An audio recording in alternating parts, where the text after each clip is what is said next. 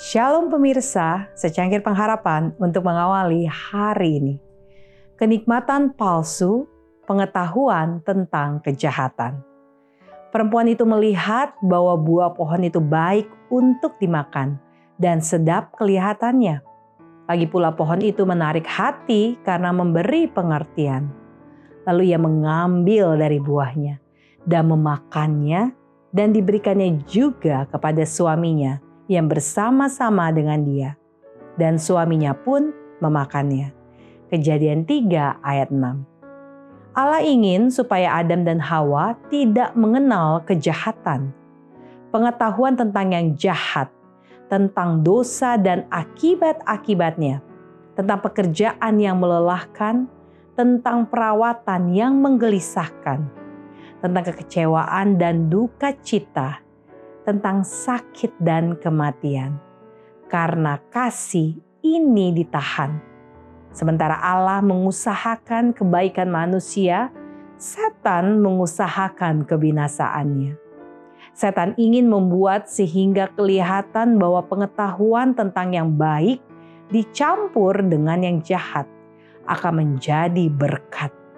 Dan dalam melarang mereka memakan buah pohon itu, Allah menahan kebaikan besar.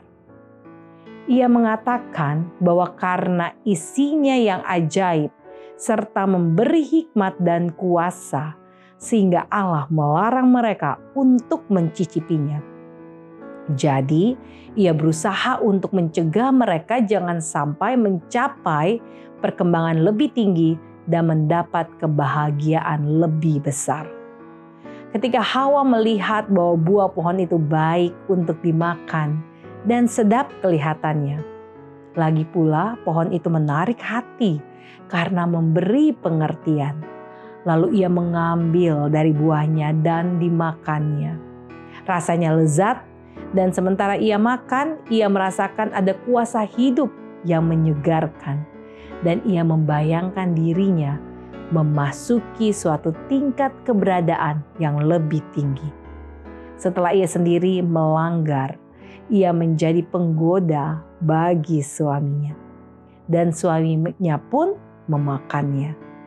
Matamu akan terbuka, kata musuh itu.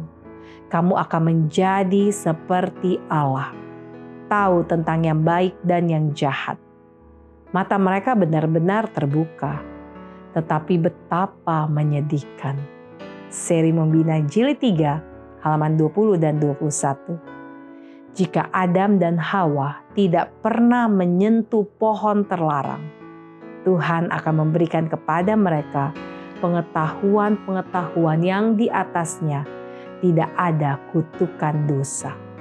Pengetahuan yang akan membawa mereka kepada sukacita abadi. Testimonies for the Church jilid 8 halaman 290. Demikianlah renungan kita hari ini. Selalu mulai harimu dengan secangkir pengharapan.